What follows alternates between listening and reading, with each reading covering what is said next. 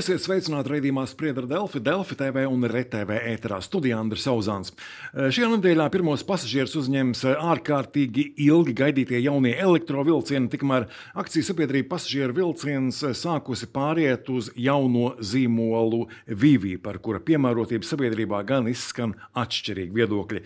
Par jauno elektrovilcienu ieviešanu, zīmola maiņu, jauno mobilo lietotni, kā arī par pēdējā laikā arvien biežāk vērojamajiem vilcienu kavējumiem kavējumiem, eh, kā arī regulāri piedzīvotajām tehniskajām ķibelēm ar biļešu iegādi internetā vai mobilajā aplikācijā, un vēl par daudz ko citu runāsim šajā raidījumā. Šodien studijā akcijas sabiedrības pasažieru vilciens valdes priekšstādātājs Rodžers Jānis Griguls. Sveicināti! Labdien! Un Delfi biznesa redaktore Baiba Krastiņa. Sveika! Sveiks. Un atgādināšu arī dzēm skatītājiem, ka savus jautājumus raidījumu viesim varat uzdot vietnē slaido.com, izmantojot QR kodu, ko redzat ekrānā, vai arī kodu VIVI. Eh, vispirms par jauniem elektrovilcieniem, eh, kuri pirmos pasažierus uzņems eh, šo piekdienu. Nu, droši vien Ziemassvētku un jaunā gada brīvdienās gan jau es nebūšu vienīgais, kurš vēlēsies ar jauniem vilcieniem gluži vienkārši pavizināties un izmēģināt, cik tie ir ērti. Tātad 15. decembrī un uzreiz pēc 15. decembra. Cik liela iespēja ir uz to jauno vilcienu trāpīt, cik liela daļa uz sliedēm būs jaunie elektrovilcieni, cik veci?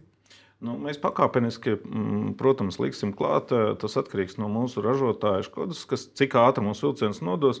Bet, protams, mums svarīgākais ir sagatavoties uz 15. datumu. Pašais arī mūsu komanda strādā. Ir 15 vilcieniem ir iedota atļauja viņus laist tirgu. Līdz ar to 15 no šiem saražotiem vilcieniem mēs viņus varētu pieņemt. Mēs ejam cauri, pārbaudām, vai viss atbilst. Nu, vai tiešām nebūtu tā, ka kaut kādas mazas, eh, kā jūs eh, minējāt, kad izšķibeļu laiks, kad kaut kādas ķibeles tur nesot. Ja. Nu, tas viss ir jāpārbauda, skrupulozi jāpāriet cauri. Un tajā brīdī, te, kad varam kādu no sastāviem atkal laist līnijā, tad mēs viņus pieņemam un, un laižam. Bet, protams, ka uh, svarīgākais ir palaist pirmo, tad jau nākošie ies un, un ļoti strauji. Un, un faktiski līdz gada beigām 18, 19 sastāvs ir, tā, tas ir tas mērķis, šodien ir nolikusi, lai mums varētu nodot un mēs varētu izmantot. Bet uh, tieši tajā 15. datumā, cik tie jaunie elektrovilcieni būs pieejami pasažieriem? Nu, vairāk Cik sastāvs? Nu, es precīzi sastāvu skaitus negribētu nosaukt. Eh, eh, tas būtu pirmšķietami kaut ko teikt. Eh, Darām visu iespējamo, lai, lai būtu maksimāli. Pasažieriem būs kāda iespēja pirms biļetes iegādāšanās, piemēram, internetā noskaidrot, vai tie būs jaunie vilcieni, piemēram, kāda atzīme mājaslapā vai lietotnē. Mēs par to iekšēji esam domājuši, jā, vai, vai kaut ko tādu varētu likt, bet man liekas, ka nu, svarīgākais ir nepārbāzēt un nepārbāzt viņus. Nu, ja viņi būs, viņi ar vien vairāk, un tas jau nekas, ja, ja nākošā gadā tā jau būs pilnīgākā ikdiena. Vai šonadēļ tie jaunie elektrovilcieni būs visos elektrificētajos maršrutos? Viņi varēs trāpīties ne tikai braucot uz jūrmālu, bet arī kaut kur citur? Protams, jā. Mūsu vilcienu kopējā kustības grafiks tiek organizēts tādā veidā, ka vilcieni brauc cauri Rīgai un neapstājās Rīgā. Rīgā ir pieturas vieta, bet bieži vien viņi turpina, pieņemsim, no tukuma brauc, viņš tur var turpināt ogres virzienā. Ja. Līdz ar to, protams, ka visās līnijās ir plānots, ka viņi arī brauks, un tur arī varēs arī viņus visus apskatīt, izmantot un novērtēt. Arī Jālgavas virzienā. Jālgavas virziens arī viens no tiem virzieniem, protams, tur ir mazliet sarežģīti ar to, ka Jālgavas virzienā notiek ātruma palielināšana un elektrotīkls tiek mainīts. Līdz ar to mums tur bieži vien ir, nu, kā jau minēju, pirms tam ir kaut kādas ķibeles, kas saistītas ar infrastruktūras uzlabojumiem. Nu, bet tas ir saprotami, ja ceļus arī remontē, nu, tad bieži vien, ja vienu joslu atstāja braukšanai, nu, tad ir arī tie sastrēgumi veidojās. Bet būs. Tāds plāns, protams, ka ir. Jā. Uh mhm. -huh. Pirmais jaunais elektrovilciens Latvijā tika piegādāts pirms pusotra gada, bija ieildes testēšanas un certificēšanas process. Vai šobrīd varam teikt, ka nu, viss ir tā iztestēts un nosertificēts, ka nekādas kļūmes vairs nevarētu gadīties vai atklāties sākoties brīdim, kad uzņem pasažierus? Nu, tāpat kā maziem bērniem, zobiņi arī dīkst, un tad, eh, tad viņi rēc. Un, un es, es, es domāju, ka kaut kādas jau mazas eh, ķibeles varēs gadīties, un tā ir tāda normāla praksa. Ja skatāmies uz kaimiņu valsts, Igaunijā, man liekas, bija gāja kādas sešas lielas modernizācijas, tur gan ar riteņu pāriem bija nu, un visādām citām lietām. Bet eh, kopumā, protams, ka tas, ka vilcieni ir nosircēti, tas apliecina to, ka viņi ir droši, viņus var izmantot, tie atzinumi ir saņemti, Škoda ir izdarījusi savu darbu, iesniegusi arī valsts dzelzceļa tehniskā inspekcijā, Eiropas atbilstošās institūcijās. Tā kā vilcienu braukšanā ir droši. Bet tātad līdz ar to laišanu tirgu sanāk, ka pasažieru vilcienu īpašumā šobrīd ir 15 no tiem visiem vilcieniem. Pašreiz nav īpašumā. Cik, tā, tajā cik brīdī tā procedūra ir sekojoša. Tātad, ja vilcien, tajā brīdī, tad, kad vilcienu ražotājs ir saražojis vismaz vienu, ko var certificēt tipam mūsu gadījumā, lai, lai šo sistēmu varētu pātrināt, viņi uh, uz trim vilcieniem uh, certificēja tipu. Jo certifikācija notika vairākās vietās. Mm. Viena notika Latvijā, otra notika arī Pilsenē. Uh, tas bija saistīts ar to, ka bija kara ietekme, un, un līdz ar to, protams, ka viss tas sākotnējais scenārijs, kādā veidā bija plānots certificēt, nu, tas tika izjaukts. Tajā brīdī, tad, kad šis tips ir nosertificēts, tad atbilstoši Skoda jau ražotājs var pieteikt ne tikai šī tipa vilcienu, bet viņus var laist tir, tirgu. Tiek šī laišanas tirgu procedūra. Tālāk jau mēs vilcienus pieņemam mhm. ar pieņemšanas nodošanas aktu, un tad viņi tiek reģistrēti valsts dzelzceļa, valsts dzelzceļa administrācijā jau kā ritekļi, kuri pieder gan mēs, kā turētājs, gan īpašnieks, esam šiem ritekļiem. Uh, Škoda ir izgājusi to procedūras posmu, kurā viņi ir nosertificējuši vilcienu. Mm. Viņi ir 15 ritekļus palaiduši tirgū. Tas mm. nozīmē, ka ritekļi ir atbilstoši tam tipam. Mm. Tālāk notiek procedūra, kura viņi ir paziņojuši, ka mēs varam viņus pieņemt. Mūsu speciālisti apskata šos vilcienus, iet cauri. Katru dienu notiek vairāki, vairākas, vairāk vilcienu pieņemšanas procedūras. Uh, Līdz ar to, tad, kad mēs esam pieņēmuši, tad mēs viņu esam ar aktu parakstījuši. Jā, mēs tagad viņus varam sākt izmantot. Bet pašreiz tā ir tā procedūra, kurā mēs ejam līdz piekdienai. Tam būtu jābūt pabeigtam, lai mēs piekdienu varētu braukt. Jo, nu, savādāk jau mēs ar škodas īpašumu nevarēsim braukt. Līdz šim daudz runāts par pasažieru ērtībām, bet vai mašīnistiem būs vienkāršāk, ērtāk, drošāk strādāt? Nu, kopumā jau tās ērtības mēs esam paredzējuši. Ja komforta līmenis gan pasažieriem ir domāts, nu, klimata kontrole, nu, kaut vai tāda pati. Nu, Laika apstākļi mainās gan vasarā, gan ziemā. Un, protams, ka ir patīkami, ka tu iekāp un zini, ka, ka tev nav vai nu pārāk karsts vai pārāk augsti. Mašīnistiem, protams, arī mēs par to domājam. Ir, viņiem ir garas stūres, laiks, laika apstākļi, kas jāpavada, ir ērti, ērts krēsls. Protams, nu, tas ir svarīgākais, jo tu sēdi visu dienu, sēdošs darbs. Ir gan uh, viņiem maza virtuvīte, gan uh, mikroviļņu krāsnes, gan uh, leduskapis, kas tajās apstāšanās punktos, lai varētu ātri ieturēties. Tā kā tā kopumā ir uzlabotie apstākļi, ka, par ko es varētu domāt, nu, ka tiem mašīnistiem, tie, kas ir ilgu laiku pieraduši braukt ar padomju savienībā ražotiem vilcieniem, tiem būs pilnīgs pārmaiņas.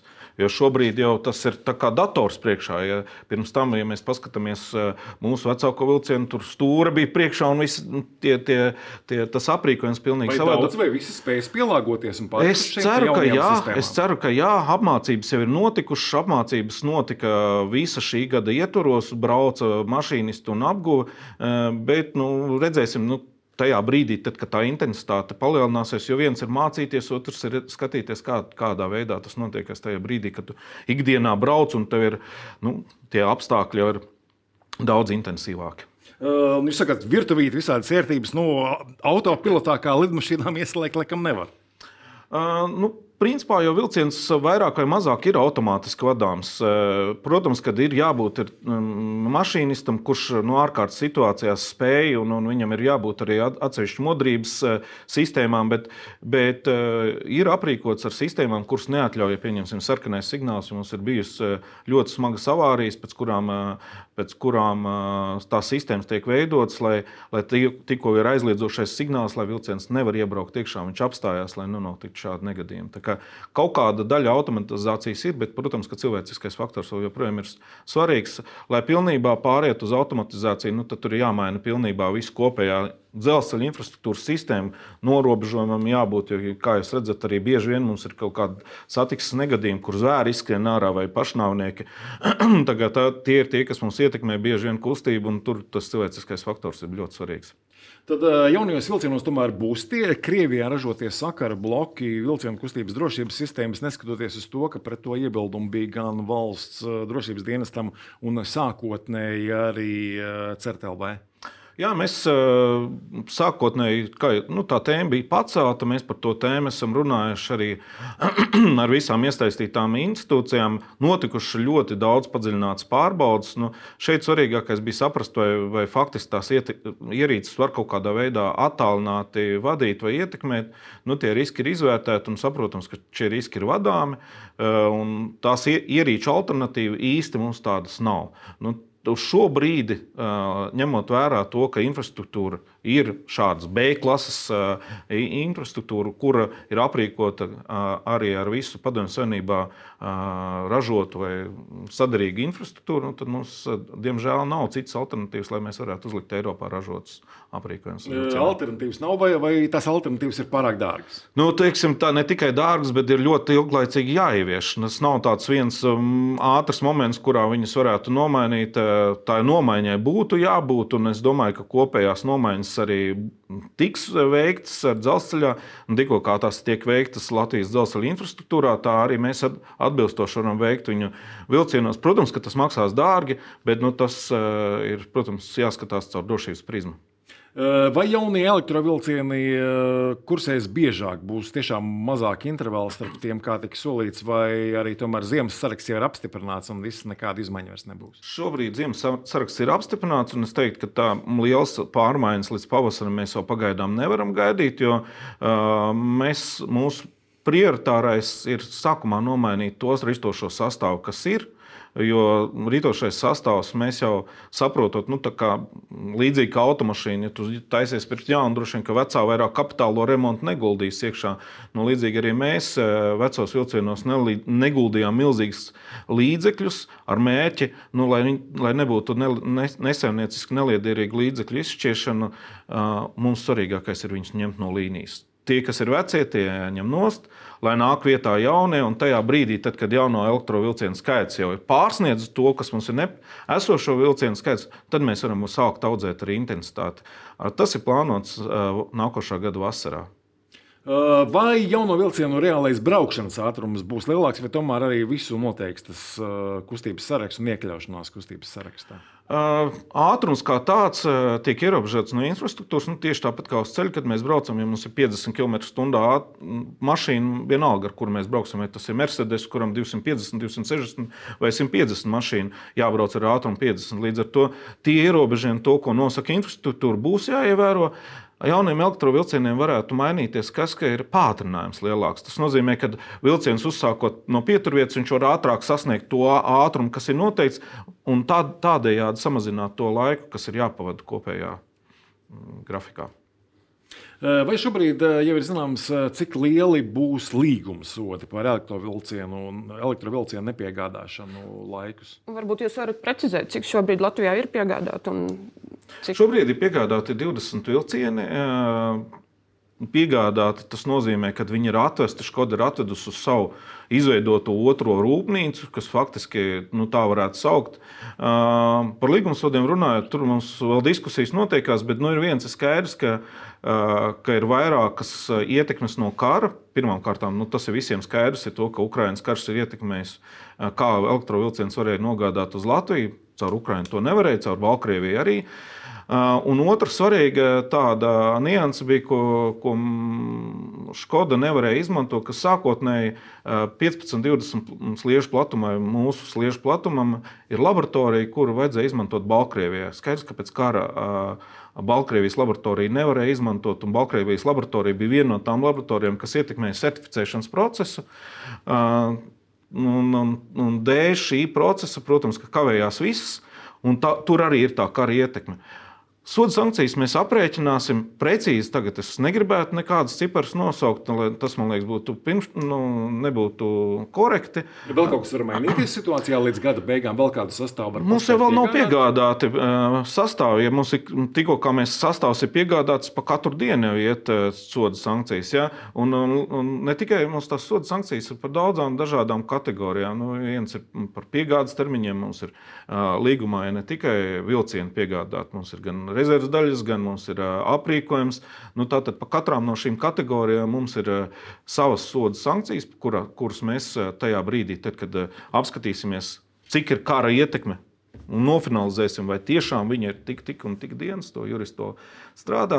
Tajā brīdī mēs arī varēsim par atlikušām dienām piegādāt. Un, protams, ka atlikušo vilcienu skaits, kas ir jāpiegādā vēl ir nākošā gada vidus. Līdz ar to es ceru, ka tur nebūs kavējumi, bet, nu, ja tādi kavējumi būs arī nākošā gadā, nu, tad par to, protams, būs jārunā.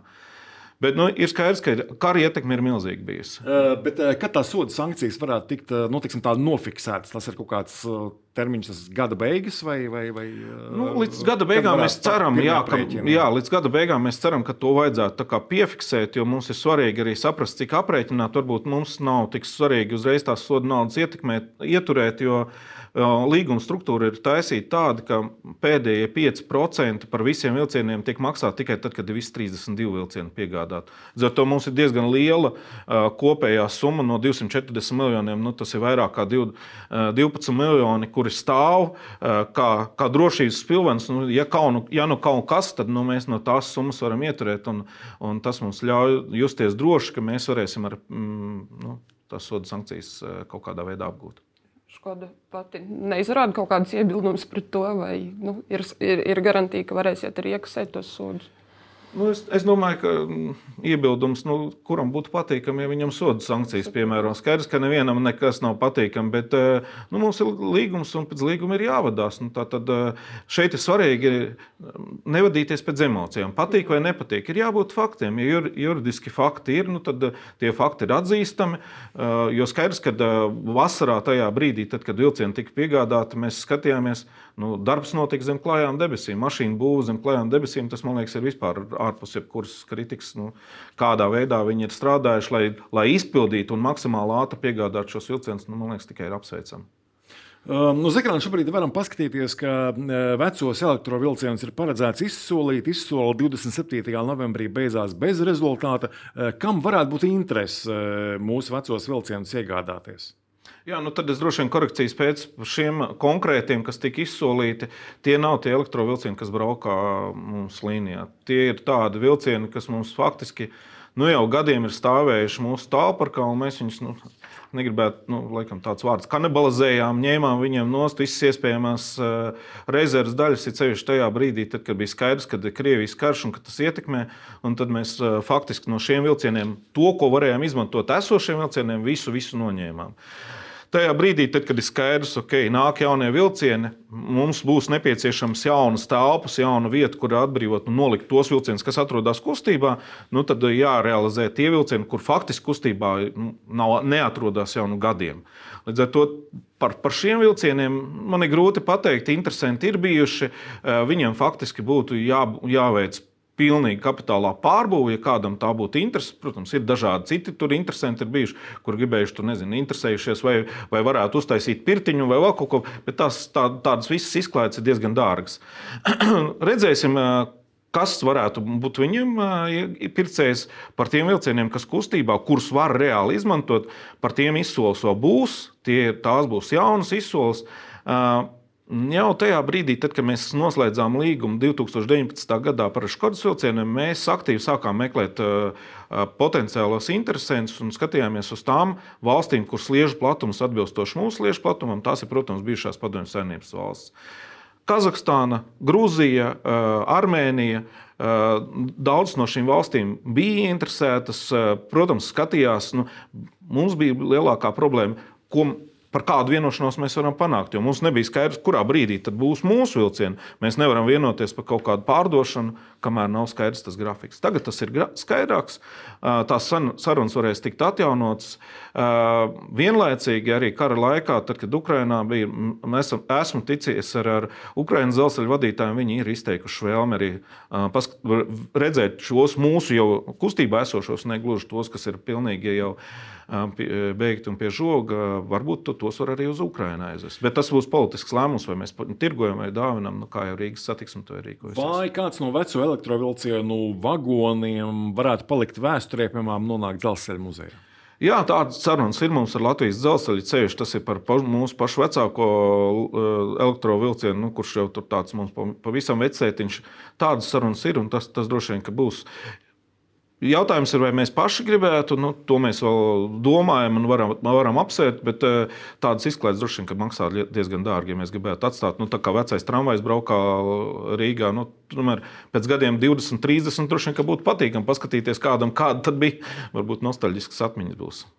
Uh, vēl par uh, citu svarīgu tematu uz ekrāna varam paskatīties uh, jaunumus par zīmola maiņu. Pirmo reizi par plāniem mainīt zīmolu un jaunu nosaukumu Vivija sabiedrība uzzināja jau 2020. gadā, jo tolaik tika pausts gan pārsteigums, gan arī neizpratne par šādu nosaukuma izvēli.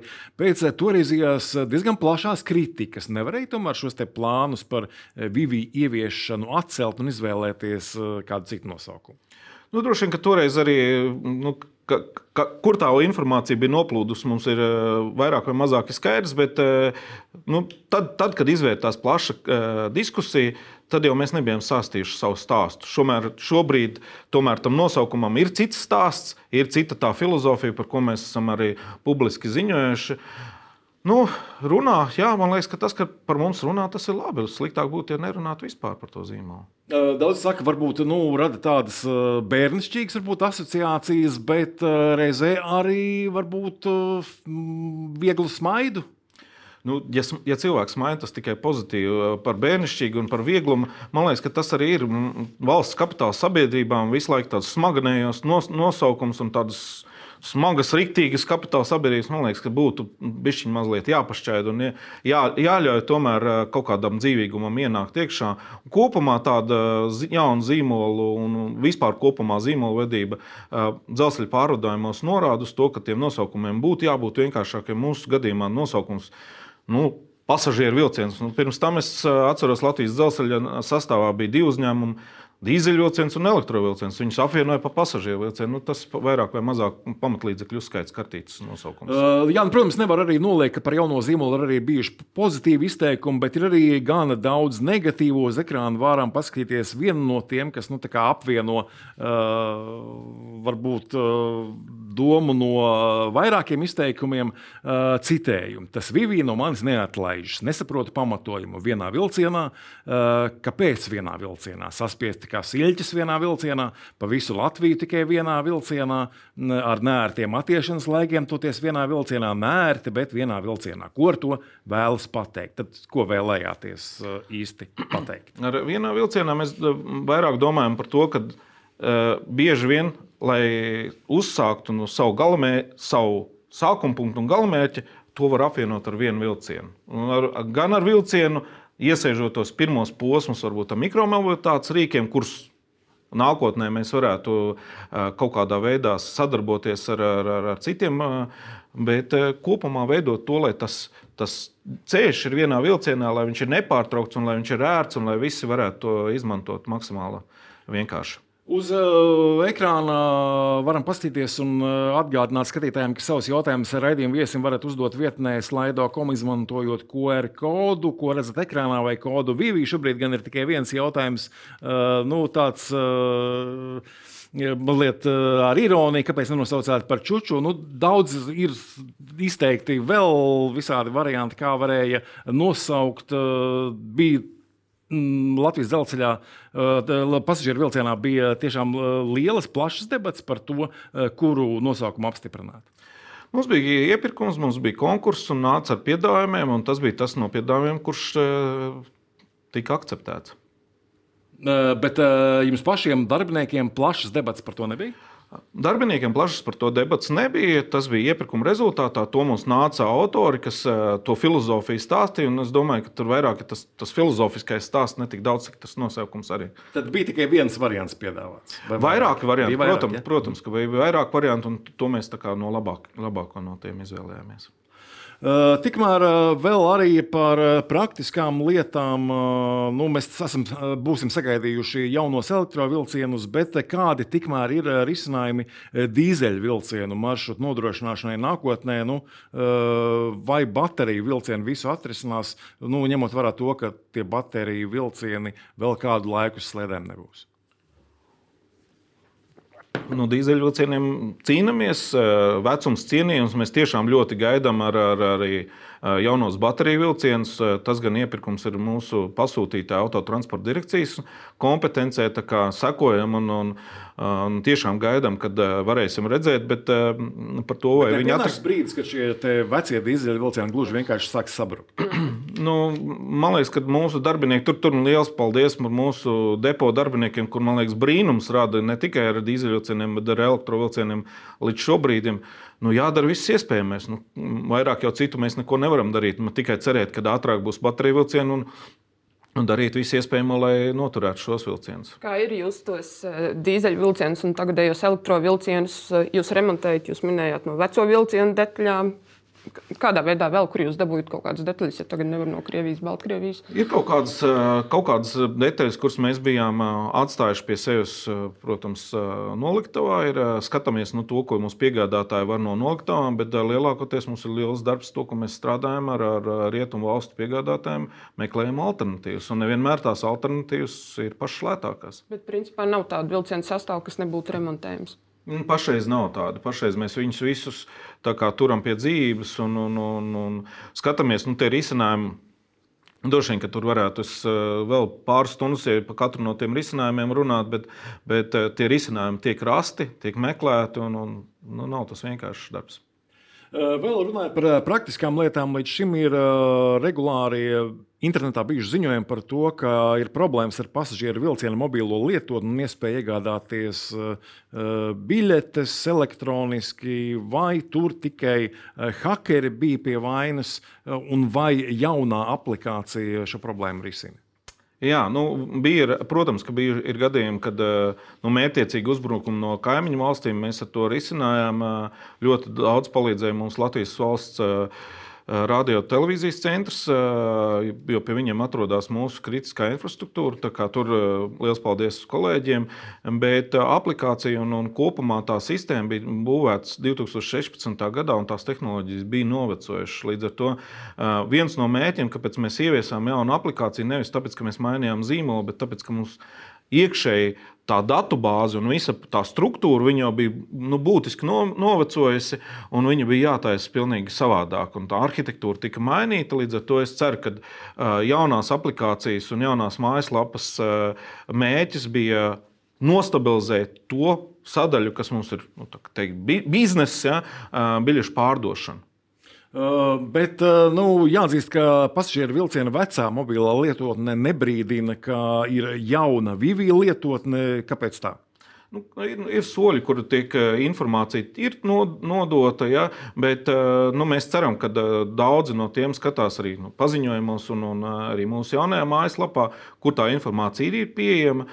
Vēl līdz decembra vidum vecā aplikācija būs pieejama, pēc tam būs jāpāriet uz jaunu aplikāciju. Mums ziņo, ka nevarēja lietotnē vismaz vecajā nopirkt biļetes uz savienotiem reisiem, piemēram, ja brauc no Ogres uz Jēlgavu. Izlaiž tur kaut kāds kļūdas paziņojums Vai šo ir plānots risināt, vai jaunajā lietotnē tas uh, varbūt jau ir atrisināts? Jaunajā lietotnē tas ir atrisināts, ir var nopirkt vienotās biļetes, bet tur man liekas, uh, drīzāk būtu jārunā par kopējo to, ko mēs ar pasūtītāju esam runājuši.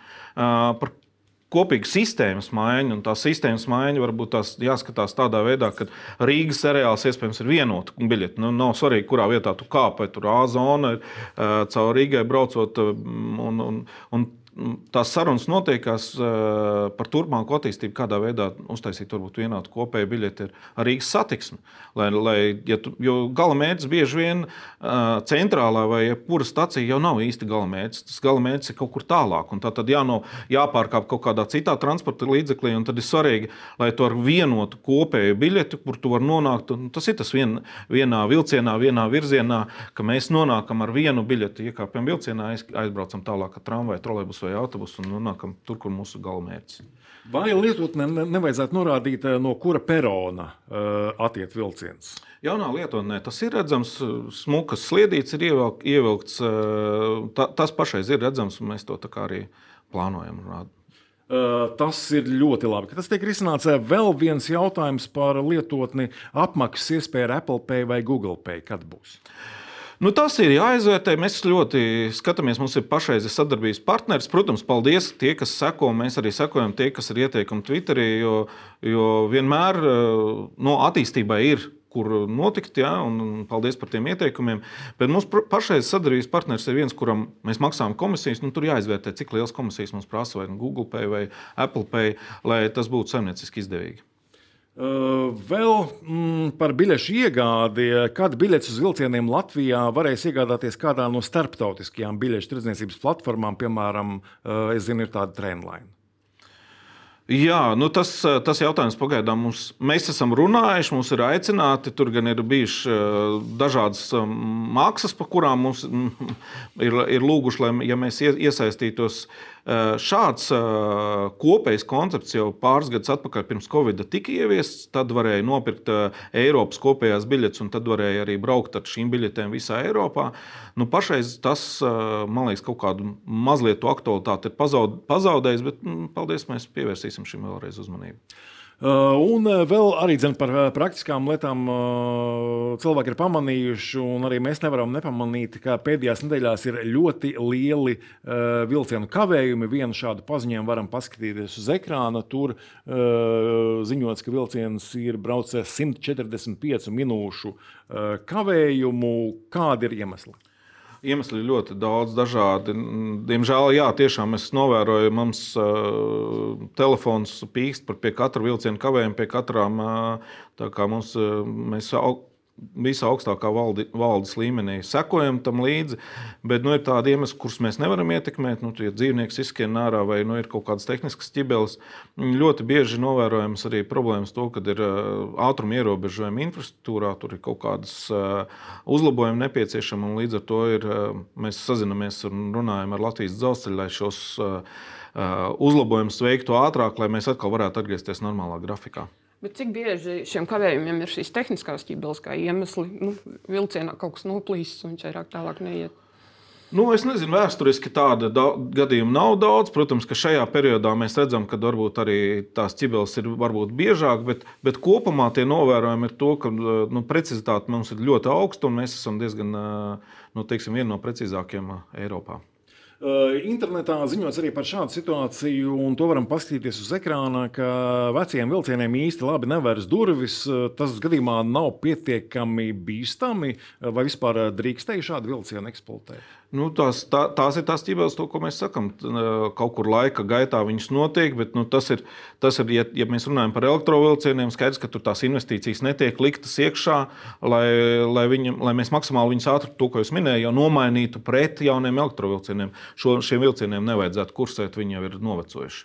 Bet, kā šī konkrētā situācija tika risināta? Vilciens aizbrauca līdz galamērķim, un tā, tālāk nekur nedavās, vai tomēr nu, brauc ar šādām, kā, nu, braukt ar šādām durvīm. Jā, nu mums ir skatoties pēc tās ķibeles uh, problēmām. Nu, ja, ja par šādu es precīzi par šo es varbūt nenokomentēšu, bet uh, normāli ir tā, ka mašīnisti, tie, kas mums ir esošajos elektrovilcienos, viņi gandrīz ir mehāniķi. Ir, viņi parasti paskatās, vai nu viņi paši spēja atrisināt šo problēmu gala punktā. Ja viņi nespēja atrisināt, nu tad vai nu var nobloķēt durvis, un tās durvis vienkārši vairāk nevarās. Vai arī, ja, ja tiešām tā ķibele ir pietiekami smaga, nu, tad atbrauc atpakaļ un nu, viņas tiek nodotas uz depo, lai uh, salabotu. Tur. Uz ekrāna varam paskatīties šo ziņu, ka no 6. decembra jūrmalniekiem bezmaksas brauciena vilcienā. Tas gan vairāk būtu jautājums jūrmālas pašvaldībai, bet gribēju arī jums pajautāt, vai tas, jūsuprāt, ir godīgi, ja jūrmalnieki savā līnijā brauc bez maksas, bet rīdzinieki uz jūrmalu nē. Nu, godīgi man grūti pateikt, bet patīkami droši vien jūrmālniekiem ir. Jo, nu, ja skatās no kopējā tāda viedokļa, Rīgas iedzīvotājiem Rīga, droši vien, ka Rīga rūpējās, bet es vilcienu bieži vien izmanto tieši braucot uz darbu. Ja es domāju, tā, ka jūrmāls iedzīvotāji jūrmāla eh, rūpējās par to, lai viņu iedzīvotāji nu, varētu aizbraukt uz, uz Rīgu uz savus darba. Rīdziniekiem droši vien tas ir otrādi. Es pieņemu. Ja? Bet, Labprāt ierosināt Rīgai, ir paskatīties, izvērtēt, bet šāda sadarbība mums ne tikai ar jūrmālu veidojas, mums veidojas gan ar ogri, gan ar ādažiem un ar citām pašvaldībām, pie kurām mēs aktīvi strādājam. Lai vai no atsevišķām grupām, ne gluži varbūt ne tā kā jūrmalā, bet ar atsevišķām grupām šie braucieni tiek kompensēti. Eh, vēl viens temats ehm, bija nedēļas ar formas tērpiem. Uz ekrāna varam paskatīties, eh, ka februārī pasažieru vilciens prezentēja jaunos formas tērpus. Viens komplekts izmaksāja 500 eiro, taču vasarā atklājās, ka darbinieki tos nevalkā, jo bija pašūti tā, ka daudziem nederēja un bija jāpāršķir. Kā šis stāsts beidzās? Nu, beidzās ar to, ka um, tur nemaz tik traki tas tracis nebija. Pā, kā parasti tie, kas ir, uh, tie, kas ir neapmierināti, tie viskaļāk arī runā. Nu, Visas formas tika salabotas, visiem darbiniekiem vairāk kārtīgi un atkārtot. Un, un tas, kas bija formas šuvējs, viņš bija gatavs pāršūt un salaboja visu tā, lai visiem cilvēkiem varētu strādāt. Cik tā pāršūšana izmaksāja? Neko, tas, tas bija par, bez maksas, protams. Jā, tad, jebkurā gadījumā gaidīsim šo piekdienu, kad pasažieri varēs izmēģināt jaunos elektrovielcienus. Saku paldies raidījumu viesiem. Nākamais spriedra Delfija raidījums ētrā rīt. Šodien paldies, ka skatījāties uz tikšanos!